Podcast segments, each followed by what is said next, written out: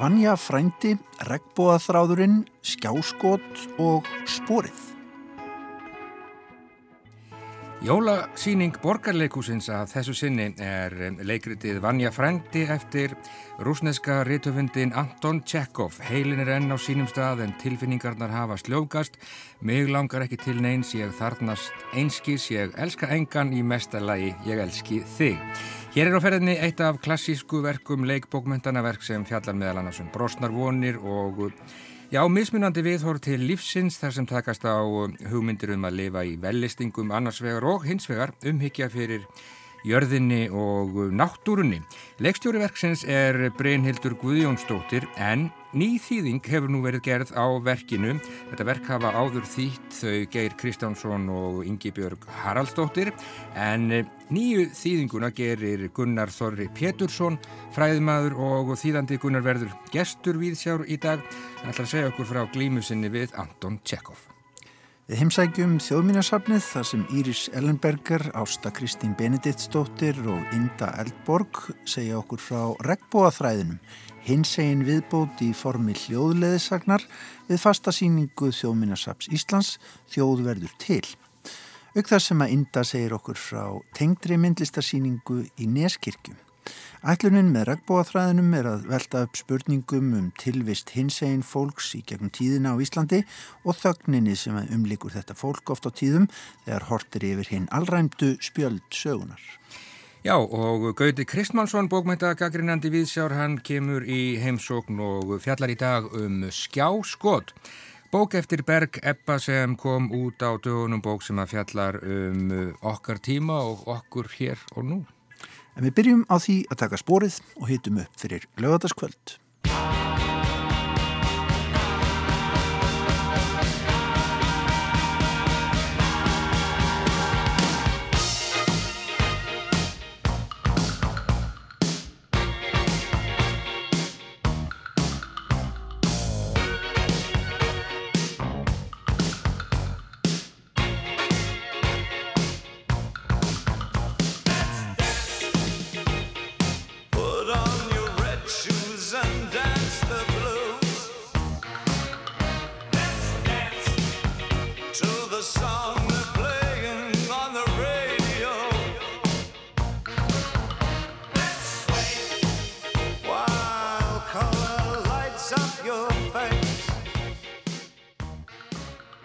Sporið, það eru nýjir tættir í sjónvarpinu sem fara í ganga á lögataskvöldið hér hjá okkur á Rúf klukka 19.45, sex tættir um dans. Umsjónamæðurinn mættur í heimsókn í Íðsjá Guðrún Sóli Gestóttir, velkomin. Takk fyrir. Þú ætlar eitthvað að dillaðir í sjónvarpinu. Svo sannarlega. En þetta snýst kannski ekki bara um að þú dillir. Nei, og helst síst um það, vona ég allavega. Ég er svona leifað öðrum að eiga sviðið í þessum þáttum en af nóg að taka þegar það rættur um dans í íslensku samíki. Já. Við Íslandingar, við elskum að dansa þótt við getum kannski gert það ráð fyrir virkilega? einhver öðru. Já. Já. Það er svona kannski sumum sem finnst við hafa svolítið svona stíft og kaldránlegt yfirbræð sem þjóð. Það reyndist alls ekki vera veruleikin þegar ég fór svona svolítið að kynna mér þetta mál. Það er dansað í öllum hornum, krókum og kemum hér á Íslandi. Alls konar dans. Já, við erum kannski minna í svona ástriðu fullum svona mjadmannikkjum en finnum okkur aðra leiði til þess að fá útrás og nýta okkur þetta fallega listform til þess að láta okkur líða betur af því að dansin er kannski ekki síst það, hann er svona þerapjútiskur á mörgur leiti. Úr honum er þetta að fá svo mikla gleði og árinslu og útrás hleypa alls konar flóknum tilfinningum í loftið einhvern veginn gegnum hreyfingarnar þótt að við Íslandinga séum minna svona í kannski suðrænum mjúkum mjama hreyfingum. Þótt að það gerist líka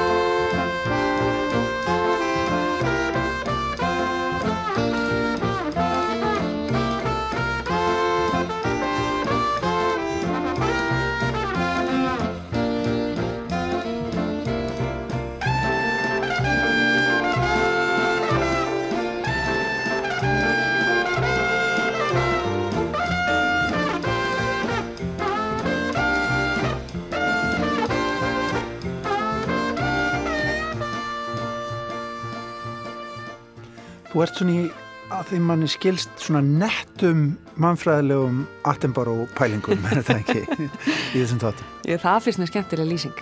Jú, ætli það ekki. Ég hérna nálgæðast þetta verkefni þannig að þema tengja hvert þátt.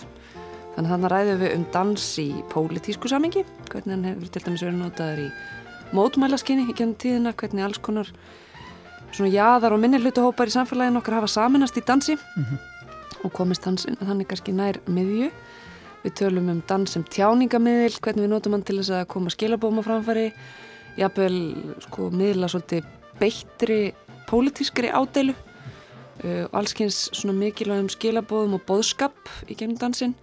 Um, svo tala ég svolítið um það hvernig við notum dansin líka svona sem tæki til að dragast nær hvort öðru oft sem að ástinn kviknar á dansskólinu og mm.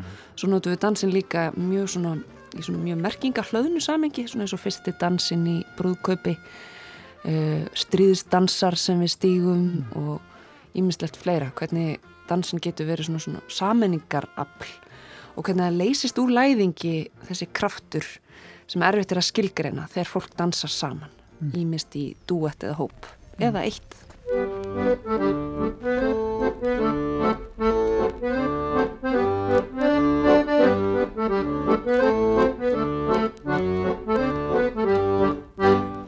Sko í fyrsta þætti þá er það að skoða badnæskuna og jábel sko, fyrirfæðingu hjá okkur og, og hvernig við byrjum að dilla okkur. Það er því myndir af mér til dæmis það sem ég er að dilla mér við, við harmoníkuspil frændamis, alveg dásanlegar og, og hérna, ég var vist ansi leðtakur í því, mjög snemma. Þetta, við þurfum að, að gera þetta virðist þeirra Þetta virðist vera frum þörf í okkur og eins og þú nefnir þá byrtist hún snemma, hún brýst fram sko bara nánast í móðukvið eins og við komum inn á þannig við ræðum við ljósmóður og fólk sem að vit hefur á og kennir okkur hvernig fóstur byrja að reyfa sig e, í takt við svona fyrsta taktfasta hljóði sem við skinnjum sem er hjartsláttur móður okkar. Mm -hmm. þar byrjar að þróast okkar tilfinning fyrir takti sem síðan fylgir okkur út í lífið. Og það er alveg stórmerkilegt að sjá og læra hvernig unga börn byrja að dilla sér og dansa og söibla mjöðmónum og dillar heimlega bossanum áður þau byrja að lappa þannig að við höfum einhverja þörf til að reyfa okkur í takt við tónlist eða bara hvernig sem að andin kemur yfir okkur. En síðan fer ég líka eina það í þessum þáttum hvernig þetta þróast síðan vegna þess að við dönsum oft hömluleust og frjálst þegar við erum börn og njótum þess virkilega að reyfa okkur án svona tiltekinar sérstakrar meðvutundar sem síðan kvikna svolítið þegar að brestur á með unglingsárum. Mm. Þá var eins og svona færist yfir einhverjar hömlur. Mm. og við hljótum aukna meðvitund í taktið kannski erfiðan hormónabúskap og erfiða stjórnun og líkamánum þá er oftur um að útlimitni verða svona vandrarlega langir og maður verður einhvern veginn svolítið skakkur og skemmt þannig að unglingsári reynast sumum erfið í danssamengi það er margi sem að svona einhvern veginn kyrsetja sjálfa sig. Já, Ég man eftir svona ringdans í félagsmiðstöðinni sem var mjög svona stífur í etikettum. Ég fær bara sjálf svona fyrir ekki magan, minnst að kvíða vekkjandi að hugsa, hugsa til þess þegar maður var að eh, svona telli sér kjarkin til þess að mæta í félagsmiðstöðina sína í gamla dag þar sem voru einhvers konar dansiböll hjá unlíka mhm. deildinni og þetta var erfitt. -hmm. og þetta er svona hluti af menningun okkar sem að svona margir eru hreinlega hrættir við og vilja helst ekki setja sig í þar aðstæðar að þurfa að reyfa sig af því að maður er svo berskjaldar So It's just a silly phase I'm going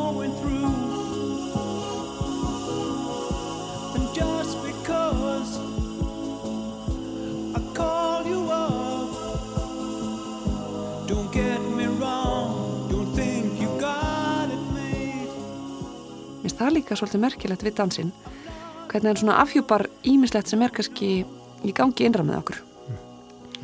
og einmitt hvort við búum yfir einhverju færni eða tækni, hvort við höfum hlutið mentun á þessu sviði þetta er allt eitthvað sem að spilar inn í hvort við höfum sjálfströst á dansskólinu eða ekki mm. en svo er svo indislegt að svo eru sumir sem bara fæðast á þess að hafa sérstakar takmarkanir á hömlur á þessu sviði og bara elska að dansa og finnst ekkert tiltöku mál að varpa frá sér allri meðvitund og bara sleppa sér í svona einhverjum lífrænum dansi á dansskólinu og það finnst mér alltaf hef gaman að sjá. Og þá, Guðni, getur engum máli hversu flinkur þú ert. Nei, það er nú gott. taktviss. Bara njóta augnabliksins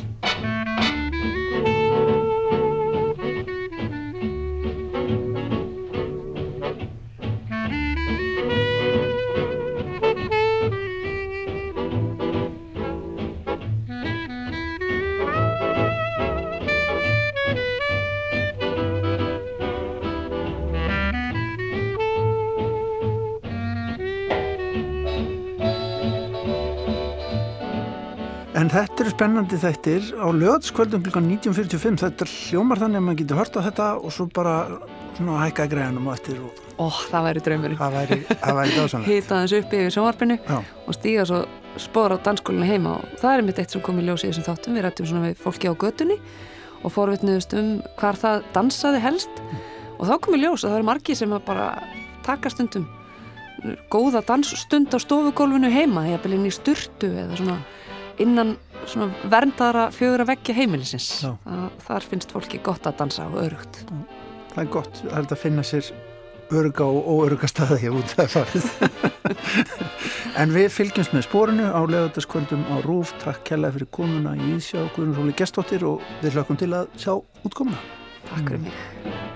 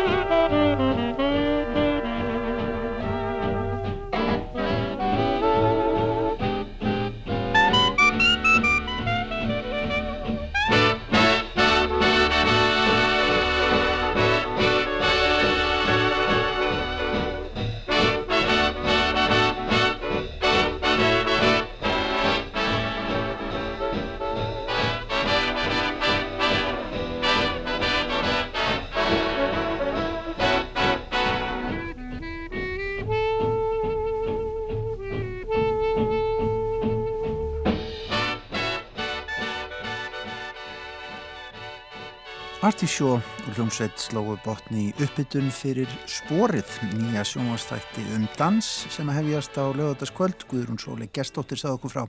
Lægið hjá Arti og félögum heitir Begin the Begin, er eftir Cole Porter en Begin, kufur að dans úr Karabíahafinu. Ég tristi mér ekki til að dansa við þig, þann dans, Eiríkur. Ó, það var leitt, ég var alveg komin í gýrin en já, já, við geymum það þangar til síðar. Fáum í staðinn uh, hér í Víðsjá á 5. degi Gauta Kristmannsson. Hann hefur verið að lesa bók sem að heitir Skjáskot og er eftir Berg Ebba Benediktsson. Gauti segir okkur nú hvað honum fannst og hvernig honum leist á gripin. Heimsóksómabækur tilheyra öllum tímum.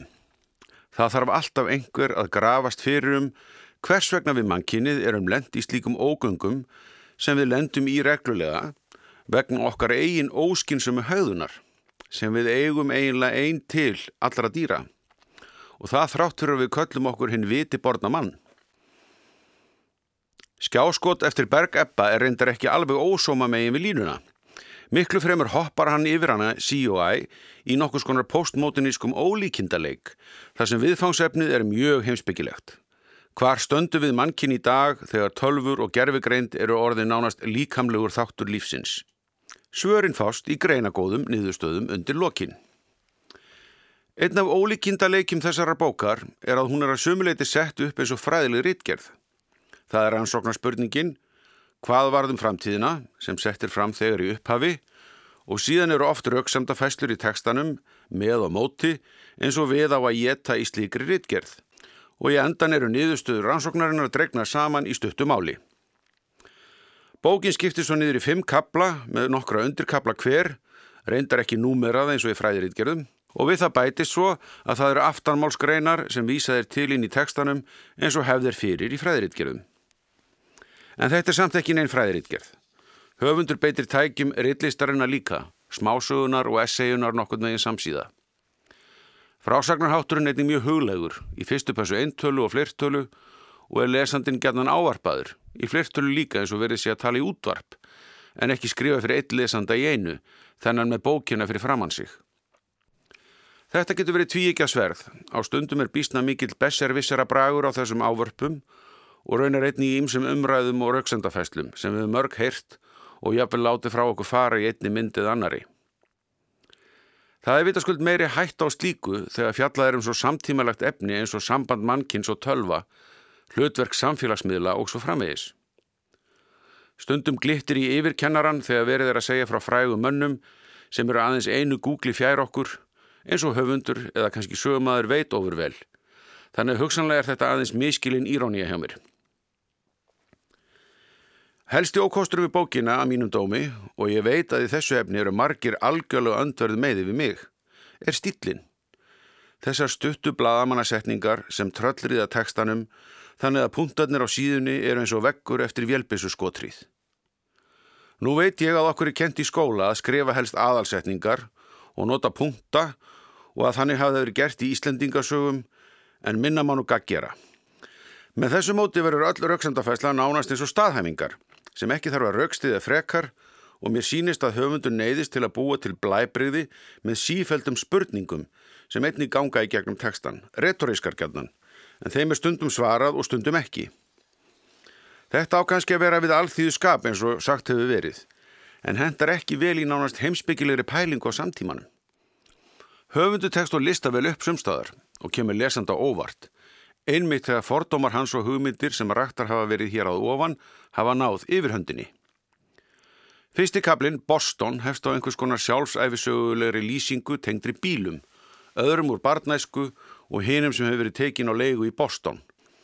Akkurat þegar þessi lesandi var farin að finna til nokkus óþóls að lesa um hugleðingar höfundar um sjálfmann sig og Wikipedia visku um bandaríska sjálfstæðistríðið um borði einn af erkitýpum bandarískra bíla, Chevrolet Suburban, kemur býstnast njall smásögulegu snúningur á frásögnuna sem gerir manni kleift að skrifa undir samning við höfundin um áframhaldandi lestur. Titillin á næsta kabla, Leitin að yngri merkingu, hefði somt sér vel á postmodernískri rittgerð á tíundaratögnum og hann fjallar vissulegu um hvernig við samt sem áður finnum merkingu búum hana til með samhengi hlutana sem við sjálf setjum þá í, líkt og höfundur hefur þegar gert í kaplanum undan. Það er bara gaman að lesa þetta og einhvern veginn finnst mér að þarna eins og í víðar í bókinni hefði tekstin grætt á aukinni stílegri þingd. En það er líka dæmi um að ég vilja þröngva mínu samhengi upp á teksta sem var ekkit ætlaðið mér sérstaklega, heldur fullt af öðru fólki sem hefur alltaf aðra forsendur en ég. Og kannski er höfundur að gera normkór tilraun með eigin texta og írónisera það með því að fjalla einmitt um það fyrirbriði að reyna að vera frumlugur með því að gera hlutina eins venjulega hægt er. Ég nefndi fyrir að höfundur tippli begja vegna línu sem hann hefur sjálfur dreyið í sandin og það kemur kannski best í ljós þegar hann talar um samband tekninar og mannsins sem er í raun hið miðlega viðfangsefni þessara bókar. Í mjög snótrum undirkabla sem heitir Langalíð segir frá eskuminningu höfundar þegar hann og bróður hans fóri í óveðri að sækja uppfæslu á makkan sinn snem á tíund áratögnum. Þetta er svona vereld sem var sögukorn sem við segjum gætnan. Fólk að minni kynnslóð sagði oft frá eplaliktinum jólinn, þangað til yngri kynnslóðir fóru að flissa þessari fortíða þrá sem var þeim fullkomlega óskiljanleg. Fyrir þeim var þetta eins og fólk fær að segja frá því nánast tárvott að það hefði fengið kartabla í þetta. Þetta margreinda mótíf var sem sagt sett í nýjan búningi skjáskoti og hefnaðist hannig vel. Þetta var þó aðeins ingangur að hugleðingum myrkrið sem við fálmum okkur í enn þann dag í dag og er eitt af megin þeim um bókarinnar. En kaplanum líkur með bjart sínu tón þrátt fyrir það. Tilvötun hefst. Maðurinn á ekki stríði við vélina. Tölfur munu ekki taka stjórnina. Það er ekkert í myrkrinnunum okkar eigin hugarórar hugarórar sem aldrei hafa bergmála jafn hátt og nú. Hverstagslegar hugleðingar sér hverja mannesku hafa fengið byrjundir báða vangi, en það er ferli sem hóst fyrir löngu og er aðeins á síðustu árum að ná jafnvægi. Tilvitun líkur. Strax í næsta undirkabla, sem kallast þryggjamanna tal, sem eins og svo margir aðrir gengur út frá einhverju skondinni minningu höfundar um nú úrelta tækninýjung, í þessu tilfelli þegar hægt var að vera með þryggjamanna símtal á landlínunni gömlu, Strax í næsta undirkabla sem sagt kemur þessi staðhæfing. Tilvitun hefst. Tæknin hefur sigrað. Vélar munu taka völdin. Það sem hófst með þryggjamanna tali hefur stilt manneskinu upp við vegg. Við erum upp við vegg og þurfum að svara öllum spurningum með nei eða já. Við þurfum að skilgreina okkur strax. Ekki með því að segja til naps, stjættar eða stöðu. Heldur með því að segja bara eitthvað. Við þurfum alltaf að fóðra dýrið, gefa því gögn að geta, annars býtur það okkur. Tilvitun líkur. En strax á eftir slæðir höfundur úr og það er þetta postmótaníska enginni þessara bókar. Staðfesting merkingarleisis í örvendingar fullri leitað samhengi til að búa til einhverja merkingu fyrir augnablíkið. Það er sjálfsagt að ræða þetta mál og líkast til mjög brínt. Spurningin er bara hvort einhver fær botni merkingu sem hangir ekki saman við samhengi einhvers annars. En samt er það vonandi svo eins og loka orð höfundar í nokkuð bölsínum nýðustöðum hljóða. Við erum sangjarnari við hvert annað, við erum öll í þessu saman sagði Gauti Krismansson um bókina Skjáskot eftir Berg Ebba Benediktsson. Já, við erum öll í þessu saman, sagði Bergur og Gauti Krismansson, hann tók undir það, en við ætlum að fara í allt aðra átt næst, Gunni. Jó, við ætlum að hugað miðlun sögunar og miðlun annars konar sögu ef úti það er farið. Þjóðverður til menning og samfélag í 1200 ár er heiti á grunnsýningu þjóðminjasapsins þar sem leitast er við að draga upp mynd af menningasögu Íslendinga. Gripilsapsins eru settir í samhengi og ímsum aðferðum í síningagerð beitt. Þar er meðal annars beitt hljóðuleiðsögn sem fáanlega er á fjölmörgum tungumálum en á síðast ári var bætt við sérstakri hljóðuleiðsögn eða lægi ofan á síninguna sem heitir Regbúa þráðurinn og þar er svara leitað við tilvist hins einn fólks hér á landi í gegnum tíðina. Við hittum Ástu Kristínu Benditsdóttur, Írisi Ellenberger og Indu Eldborg í þjóðmennisafninu til að ræða regnbúaþráðin en svona helsar leðsöguröttin gestinum. Velkomin á grunnsýningu þjóðminjasapsins Þjóð verður til, menning og samfélag í 1200 ár. Voru til homar og lesbjur í gamla daga, intersex fólk og transfólk, tvíkinnegt fólk, pankinnegt, eikinnegt og kynsegin fólk. Já, líklega. En þessi orð hafa ekki verið lengi í notkun.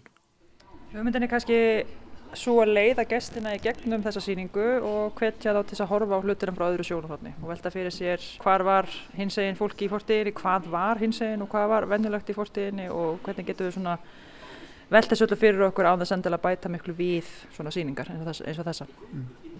Við tökum okkur stöðu hérna við Já, það sem að vekur mikla aðtegli þetta gesta, ég tala náttúrulega ekki um batna sem að hinga að koma á síninguna það eru beinagrindunar hérna sem eru í golfinu, einu golfana hérna á síningunni af hverju stoppum við hér í þessari leðsögn ykkar? Það er nú kannski aðalega uh, vegna þess að já, fyrsta lega er þetta bara mjög myndrætt og skemmtilegu staður en svo líka í efninu frá þjóðmunnarsafninu þá er hérna talað um að segja kona og karl og barn sem að séu hérna í síningunni og við viljum nota tækifærið bara svolítið til að varpa fram spurningum um uh, vitu við eitthvað um hvernig þau lít á sig og sitt kyn hvað er það sem við getum ráðið af þessum beinagreitum getur verið að hér hafi verið fólk sem hafi haft til dæmis óræð kynenkenni eða fólk sem hafi ekki litið á sig sem karliða konu mm. og svona og velta líka upp spurningum um hvaða hugmyndir voru ríkjandi um kyn hjá fólki á þessum tíma og svona svolítið svona hrist upp í fólki og fáið til þess að líta á það sem hérna er svolítið öðrum augum heldur en að kannski e, síningin annars býður upp á. Hugmyndir fólks um kyn eru breytilegar og ávalt mótaðar af samfélaginu. Beinabygging og erfðaefni veita ekki tæmandi upplýsingar um kyn þess fólks sem hér kvílir. Hvernig hugsuðu þau um kynsitt? Geta hugmyndir nútímans líst upplifun forvera okkar af eigin kyni? Líffræðilegt kyn fólks er heldur ekki bara tvennskonar, heldur fjölbreytilegt. Fólk með ódæmigerð kynengjenni kallast í dag intersex. Þau hafa ávalt verið til. Gætu þessar beinagrindur verið af slíkum manneskjum? Hvaða álíktanir getum við dreyið um kyn og kynvitund af þúsund ára gamlum beinagrindum? Hvernig hefur tekist tílinda að hérna, fá fólk til þess að setja á sig þessi glerugum? Já, eftir því sem við best vitum þá hérna hafa gestir tekið þessu mjög fagnandi og, og hérna, mörgum fundist þetta mjög frumleg nálgun við hérna, söguna að hafa svona opnar spurningar og fólk geti þá kannski nálgast hlutina á, svolítið á sínum forsendum, byggt á sinna eigin þekkingu, um leið og það bætir við þekkingu sína á sögunni. Nú síðan höfum við frétt að sérstaklega erlendir gestir hafi verið mjög heitlaðir af þessu og ég vil sapna fólk heldur hvorki vatnin í vindum eða veðrum yfir, yfir þessu framtæki sem að hérna okkur dætt ekki hugamöndi gerast en svona er það þegar maður er að vinna á nýjum forsendum en þá er alltaf ykkur sem að segir já, ansnið mm, sem kveikir á. Já. Já, já. sko það er einmitt kannski með svona söfn og kannski svona síningar eru, þetta er náttúrulega eiginlega stopnun auðvitað erum við inn í stopnun en síningin sjálf er eiginlega líka stopnun hún segir manni kannski daldið mikið og hún var auðvitað mikið rætt á sínum tíma þegar hún kom fram þessi síning það er auðvitað líflegri lestur sem verður til með því að, að hræra hans í henni, er það ekki? Ég sko þetta er síning sem að heiti Þjóð verður til og fjallað um íslensku þjóðina og þjóð sem fyrirbæri er, er eitthvað sem býður ósala mikið upp á skemmtilegar umræðar um það hvað er þjóð og hver tilherið þjóðinni og hver tilherið henni ekki. Og þetta hins vegar sjónarhótt bara fellur mjög vel að því. Og er eitthvað sem að ég held að við munum halda áfram að tala um á næstu árum áratugum um það einmitt hvernig hafa hins einn einstaklingar eða hins einn tilverað ekki kannski samræmst þessum hefðbundu hugmyndum um þjóðina. Mm -hmm ég held að fólk sem er tilbúið til þess að hugsa um hluti eins og þessa síningu á þeim fórsöndum, held ég mm -hmm. já, ég held að þetta sé með svona, þessi síning að því hún er svona stóru umfarsmikil og setur fram þessa grundvallar svona tesu um það hvernig þjóð verður til að, að þessi leið fellur mjög vel að svoleiðis síningum myndi ég halda. Mm -hmm. Svo mátti kannski líka bæta við að þetta er nú hvað, þessi grunnsýning er orðin hvað 15-20 ára gömul Já. og það eru kannski aðra spurningar og aðra önnu viðfangsefni sem að eru kannski komin meira svona á yfirborðið eru meira ríkjandi í dag heldur en voru þá meðalanska varðar hins einn sögu. Þannig að það er þó gaman að geta bætt við þessu svona nýja lægi þessu hins einn hins einn lægi ofan á þessu sögu sem að hér er sögð sem að væri náttúrulega líklega sögð allt, öðru, allt öðruvis í dag. Mm -hmm. það sem er kannski hins einn málumni um hins einn saga myndi þá vonandi fá uh, kannski stærri sess en, en þessi uh, grunnsinning uh, gefur þessum máluflokki Ef við færum okkur til og skoða kannski annað dæmi um það hvernig þið já, bæti lægi við? Þorður Sturluson ruled over the Snæfellsnes Peninsula and its neighbouring regions. These brothers, known as the Sturlungar, have given their name to the... Vestrænar nútíma hugmyndir um samkynneigð mótuðust fyrst við lok 19. aldar í Evrópu en bárust ekki til Íslands fyrir en talsvert síðar. Um aldamótin 1900 höfðu Íslendingar litla vittnesku um homma eða homoseksualista og höfðu ekki kynst hugmyndum um að þeir þættu afbreyðilegir og varhugaverðir. Við upphaf 20. aldar var algengur síður, sérstaklega upp til sveita, að fólk heilsaðist og kvettist með því að kissa hvort annað á munnin. Þetta gerðu karlar jaft sem konur. Þá þóttu kossar karla korki hommalegir nýja benda til samkynneigðar eða tvíkynneigðar. Býtu, akkur stoppum við hérna á bara eila tómum gangi?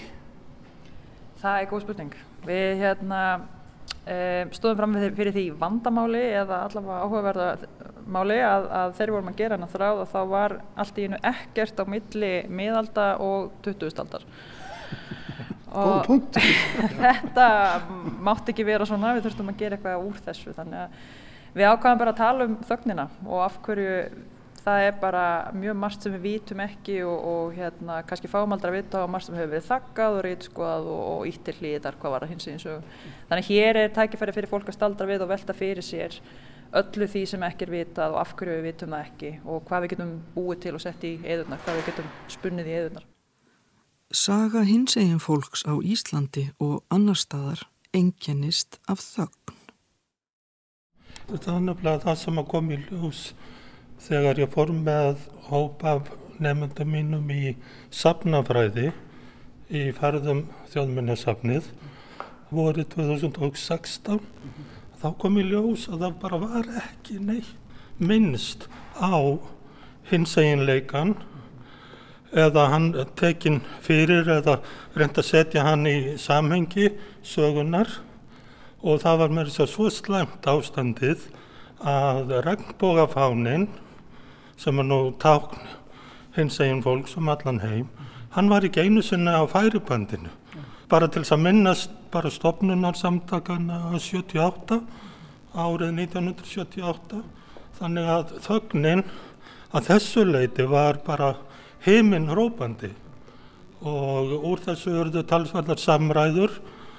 Þannig að upp úr því var til þetta samstarf á millokkar og Ásta og Íris komin í verkefnið og, og þjóðminnarsafni bara tók tók bara boltan og saði ok, við gerum þetta saman. Það er gott, það er gott. En þetta hefur verið forvittnilegt er það ekki að þræða þennan þetta við? Já, þetta búin að vera frábær, frábært verkefni, frábær reynsla. Uh, líka gaman verna þess að það rannsóknir á hinsins sög á Íslandi er í rauninu bara ábyrjunastígi kannski bara síðustu fimm árum eða svo hafa, hefur verið eitthvað almenlega unnið með þetta efni út frá svona hinsegin fræðilegum sjónarhóli það er ennþá svo brotakent en með því að gera þetta svona eins og við gerum að þá er hægt að nota þessi brot sem við höfum mm -hmm. til þess að skapa uh, svona rauðan þráð í gegnum þessa grunnsýningu og nota þessi brot til þess að einmitt fá fólk til að hugsa, til að skúða sjón út frá nýjum uh, sjónarhóli og þannig náttúrulega líka kemst á svona ákveð, ákveðu svona samtal. Náttúrulega í, í þessu ferli þá fengum við líka sérst, senda alls konar, hei, konar heimildi sem við vissum ekki um áður.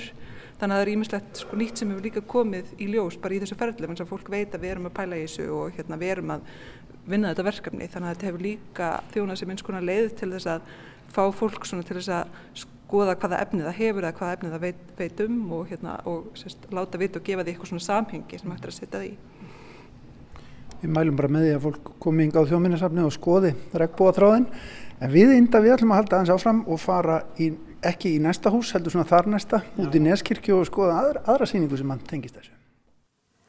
Hvað getur þú hugsaðir að setja á færibandið til að segja hins egin sögu?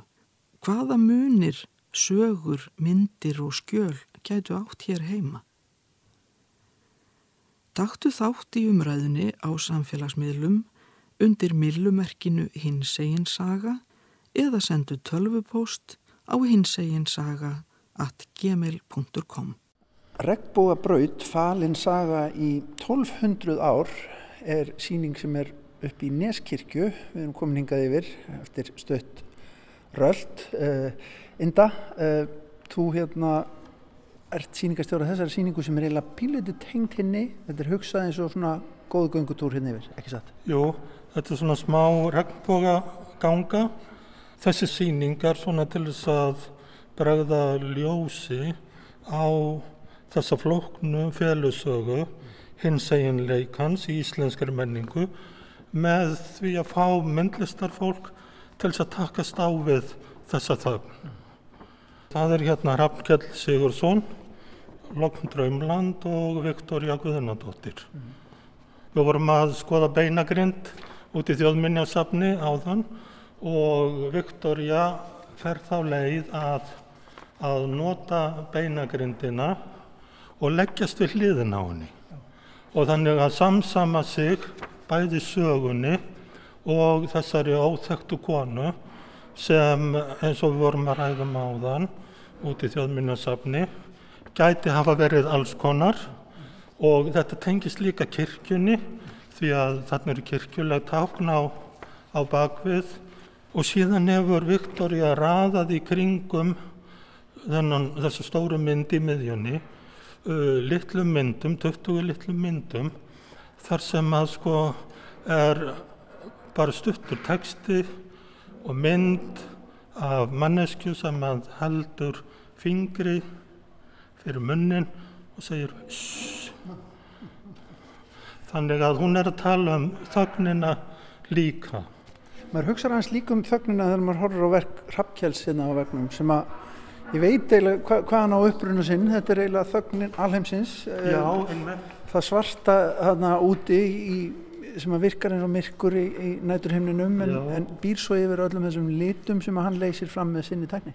Já og hann er að, hann svona brýst í gegnum myrkrið til þess í rauninni að uppgöta regnbógan upp á nýtt. Þetta mikilvæga ták hins eginn fólks og litirna raða sér ekkert endilega upp í eitthvað minnstur en, en, en það eru þarna sömu tónarnir og eru í regnbógafánunum og regnbóganum sem, að, uh, sem við sjáum á heimninum sem er þessi gamli sáttmáli melli Guðsins og, og mannana og uh, hann er að virkja þessa þögn líka sem að er svo sínileg í hérna grunnsýningu þjóðminnesafsins.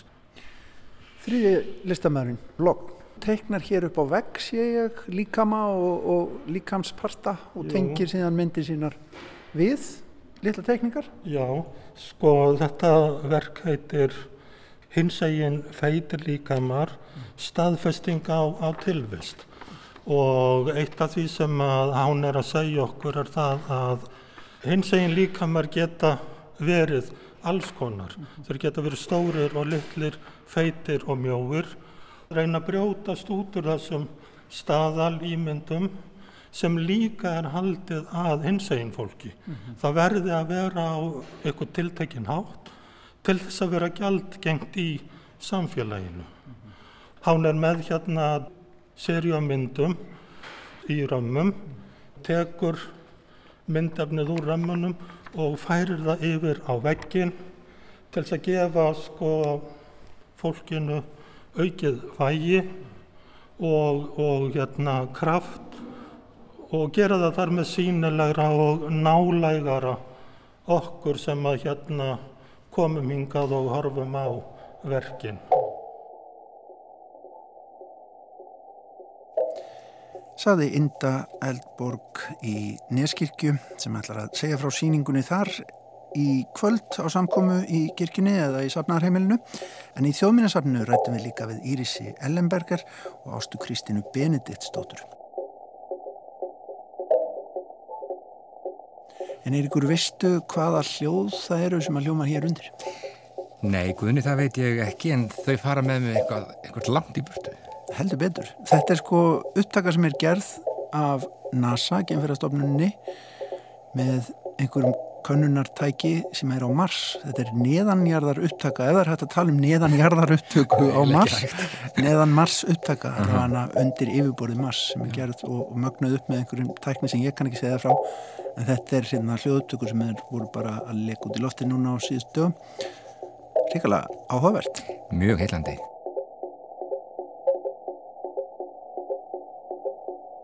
En við ætlum að fara í leikús. Tjekhoff Anton Pavlovich, rúsnesku smásagn og leikritahöfundur fættur í Tagan Rók árið 1860. Svonur kaupmanns en af ættum ániðarbænda. Ilja Írits til Jegin, fyrirverandi óðalsbóndi, nú kominn á vonarvöl, Karl Sigursson. Marína Gömur Fóstra, Guðrún Stefansson. Verkamaður Pétur Einarsson Hérna, fáðu þér sopa, væni minn. Ef einhvern veginn ekki laungun í það. Kanski þú viljir svo lítið vodka? Nei, ég drekk ekki vodka á hverjum degi.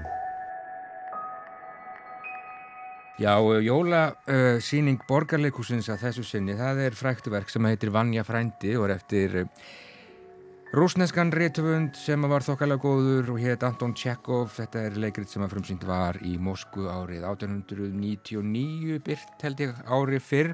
Uh, þetta er auðvitað eitt af þessum fjóru stóru verkum Tjekovs, uh, eitt af þessum stóru verkum í, í leikbókmentum uh, Vesturlanda, verk sem að setja upp Aftur og aftur og ekki að ástæðu lausu. Uh, Borgarleikusið hefur látið gera nýja þýðingu á þessu verki en áður hafa þýtt þetta verk þau Geir Kristjánsson og Ingi Björg Haraldsdóttir.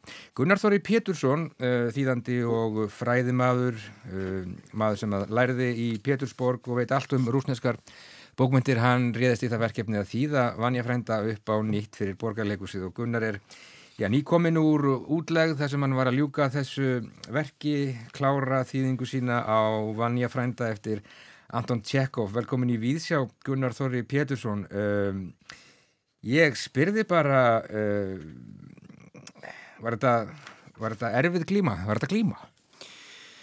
Þetta var glíma og ég er nú eiginlega bara nýkomin að fæðingadeildinni þannig að og enn á ímislegt eftir að gerast að því að nú hefst samstarfið við leikópin og leikstjóran Brynildi en þetta var, já þetta var glíma en þetta var ótrúlega gaman og og eitthvað svona, það var líka gaman að sko að því að leikaritið hefst svona í byrjun sumars og því líkur í lok höst, þannig að árstíðnar voru akkurat eins og í leikaritinu Já. og ég byrjaði bara að lesa þetta út í bakari uh, á Bakkó e, og, og endaði síðan í, í hérna hauslegunum þannig, þannig að það var Þannig að það var mjög gaman að þýða þetta en fyrir mér að þá er mjög, það er mjög, þetta er náttúrulega mjög frústurarandi að þýða. Maður byrjar á því að lesa verkið og, og dáist að því og, og hérna hlær og grætur.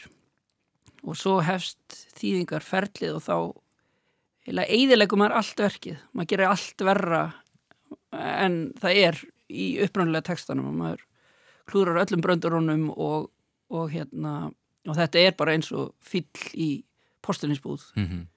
og svo fælst tíðingaferðli voru mikið í því að líma þetta aftur saman sko, smá sem mann vinna aftur tilbaka og, og komast nær þessari að, sem að þú verður fyrir þegar þú lest verkið Já, sko það hljóta að vera mörg blindsker sem maður þarf að sneiða hjá þegar maður þýðir Tjekov, þetta er á einhverju svo hárfinni línu ímist ótrúlega fyndið eða hræðilega sorglegt og einföldustu setningar geta haft alveg óskaplega mikla merkingu og það má kannski ekkert út að breyða til þess að, að þetta falli allt um sjálfsig. Já, einmitt og svo, svo náttúrulega er maður sem þýðandi á leikriti sérstaklega alltaf með annað eirað á uh, áhöröndanum og samtímanum. Mm -hmm. að mað, maður þarf að hugsa út í það hvernig gerir þetta sig á sviði. Þannig að það er það er mjög mikil glíma en það er líka mjög áhugavert og, og mjög svona þú veist það, það, það er náttúrulega stórkvæmslega þýðingar eftir Ingebjörgu og Geir og ég þurfti náttúrulega líka að komast svolítið yfir það að hérna að sagt, vera með þessa tvo að risa sko. Hvernig umgengstu þær þýðingar þegar þú ert að búa til nýja þýðingu? Leggur það til hliðar? Nei, nei, ég les þær og, og hefði til hilsjónar mm -hmm. og, og þýðingar byggja á þýðingum og, og hérna, þessi þýðing eh, það er ómetalegt þegar maður er búin að komast yfir það að þá, þá verður það ómetalegt að hafa eitthvað eins og geir og hann kemur með alls konar litbreiði inn í þetta sem að maður skinjar í hans þýðingu og Ingeborg sömulegis og vonandi þá endar þetta með því að vera ríkari uh, þýðing fyrir vikið sem ég skila af mér. Já. og svo hefur náttúrulega ímestlega líka gerst Erlendis, það eru mjög áhugaverðar enskar og franskar útgáður sem ég hef líka verið að stiðast við. Já, sem að þú fylgist, fylgist með. Já, Já. Oftast hættur okkur við að leggja of áherslu á einhvern einn þátt í fari Tjekhovs á kostnað allra hinna, á hæðinina, á alvöruna, á lýrikkina, á pretikunina. En orð og gerðir hans eru aldrei einhlít. Alvaran gerir gjarnan grína sjálfur sér, hátileikin er oft til allægis og gamanseminn gjarnan grá.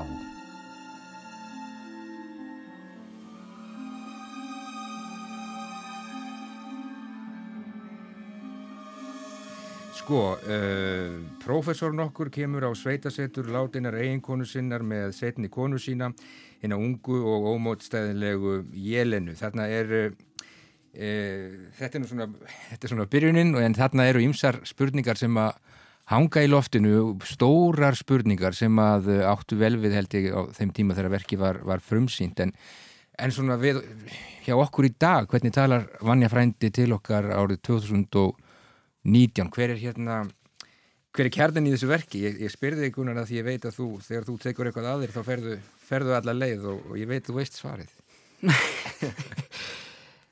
eh, já, var þetta ekki, kristataðist þetta ekki í hann að jólakúlunni hans Ragnars Kjartanssonar um að lífið er svo fallegt en sorglegt Já. og þetta er náttúrulega eitthvað sem pappans Kjartan Ragnarsson sæði við hann þegar hann var að leikstýra Tjekov og, og þetta held ég nú sé ekki svolítið kjarnin í verkinu lífi, hvað lífið er fallegt en sorglegt Hef ég breyst mjög mikið á þessum árum?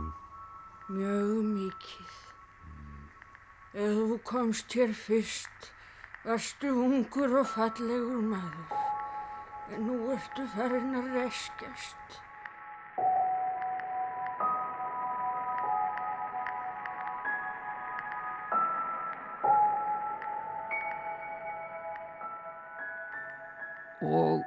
Svo kannski líka humorist þetta er mjög fyndið verk og svo er líka ákveðin svona heimsbyggileg dýft í því sem að er samt mjög erfitt að ná utanum vegna þess að Tjekov var mjög svona ansnúin heimsbyggilegum kerfum Já. og hvers konar heldalusnum Já. og svo eru það náttúrulega líka bara hluti af þessu þetta leikrit er skrifað í svona þessum ljósa skiptum að þessari stórkoslegu 19. öld í Rúslandi er að ljúka sem að Gullöldin er að klárast. Já, og þá er þess að sem að hefst með þessari stórkoslegu skáldsögu Puskins, Jevgeni Ónikin í bönnum máli og svo kemur Gogol og svo kemur Dostojevski og Tolstói og Tjekov uh, eru náttúrulega hluti af þeirri hefð en um leið er þetta að klárast og hann í raun velur hans viðbrað er að velja miklu minna form leikritið og smásöguna. Og, og hérna og antiklímaksið og, og, og hann gerir þetta til þess að til þess að í raun að, að, að, að veita þessari hefð inn í nútíman og, og þá erum við komið með þetta þennan karakter í situasjón sem að sem að við sem að, sem að, sem að, sem að síðan hérna er búið að vinna svo mikið með sko. En hann einhvern veginn, hún tekst þetta að hann er ekki með sömu það virkar eins og hann sé ekki með búan jafn hátt spentan og, og, og Dostoyevski eða Tolstói. En hann er það. Hann er það samt. Já, og, já, það, það er, já, og það er sú, ságaldur sem að kristallast í eins og þessu verki. Já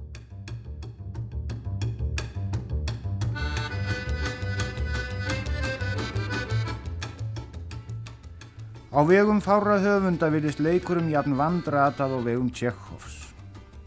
Það er haft við orð að á hverjum 100 Tjekhovs síningum sem settar eru upp séu 99 missetnaðar. Það er ná ekki hjarta áhorfandans. Hitt er aftur á móti fullirt að þessi eina af hundra sem hefnast sé allrar fyrirhafnarinnar virði.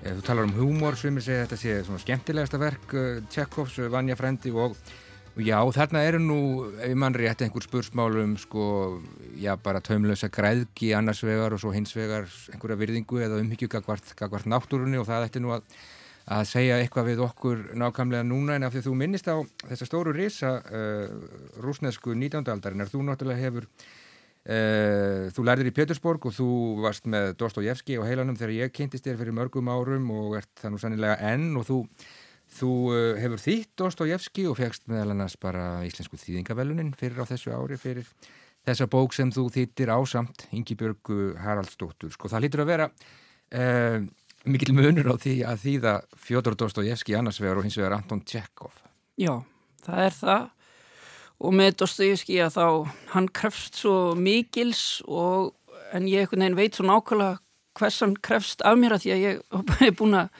stúdir hann svo mikið en með Tjekov að þá eins og þísk leikona sagði við mig að þá vantar alltaf svona og svo gerðum svona lítið byll mm -hmm. með fingrunum mm -hmm.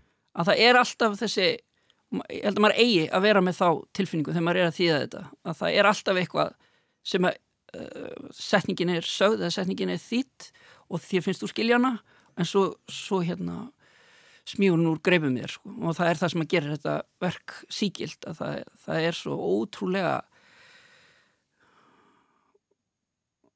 órætt en um leið hárbeitt.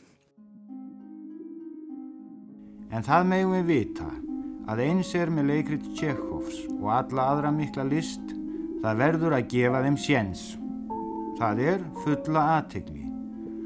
Að öðrum kosti verða þau aðeins partur þeirrar flattnesku sem hugsunarleysi og ofurkapp tímans hellir yfir okkur.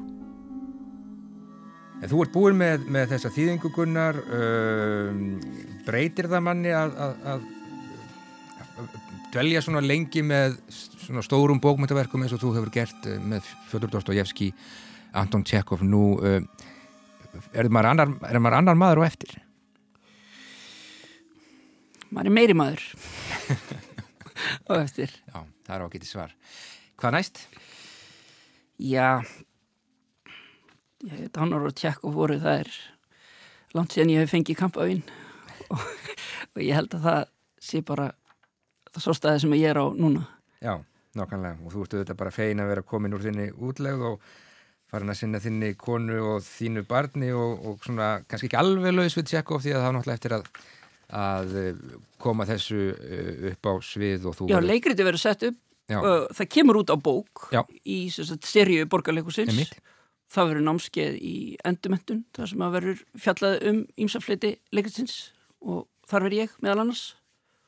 Þannig að það er alls konar framöndan. Já, þannig að þú hefur ekki sagt skilið við Tjekov, þetta hljómar allt saman ljómandi vel. Ég hlakka til að lesa þýðinguna þína, ég hlakka til að heyrana á sviði í borgarleikúsinu í kringum uh, jólinn. Ég segi bara takk fyrir komuna kærlega í Víðsjá Gunnar Þorri Pétursson og gangið allt í æginn. Takk. Heila starfseminn er í lægi, tilfinningarnar eru einhvern veginn sljóri. Ég óska einskis, þarnast einskis, elska engan. Nefna þá kannski að ég elski þig.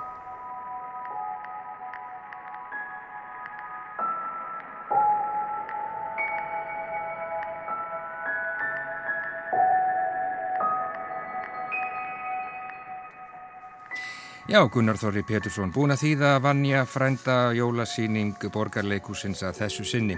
Í þessu einslægi þá heyrðum við meðal annars brot úr uh, uppfærslu leikriðs leikfélags Reykjavíkur á vannja frænda frá árinu 1965. Þetta var flutt hér í útvarpinu. Þar voru Helgi Skúlason og Guðrún Steffensen í hlutverkum sínum og við heyrðum líka formála að leikritinu um Vanja Frænda sem að Eyvindur Erlendsson flutti hér í ríkisútarpinu í oktober árið 1970 og átt að það verður gaman að sjá nýju, nýju þýðinguna hans Gunnars og það verður gaman að sjá síninguna í borgar leikúsinu eins og kom fram hjá Gunnar þá verður, verður námskeið hjá Endurmentunarstofnun uh, Háskóli Íslands og uh, svo kemur þetta auðvitað allt saman út á, á bók. Já En svo náttúrulega ljúka við sjá í dag ágættu hlustundur við verðum hér aftur á þriðju dæn en bjóðum líka upp á úrval úr þáttum vikunar á sunnudag kl. 14. Verðið sæl.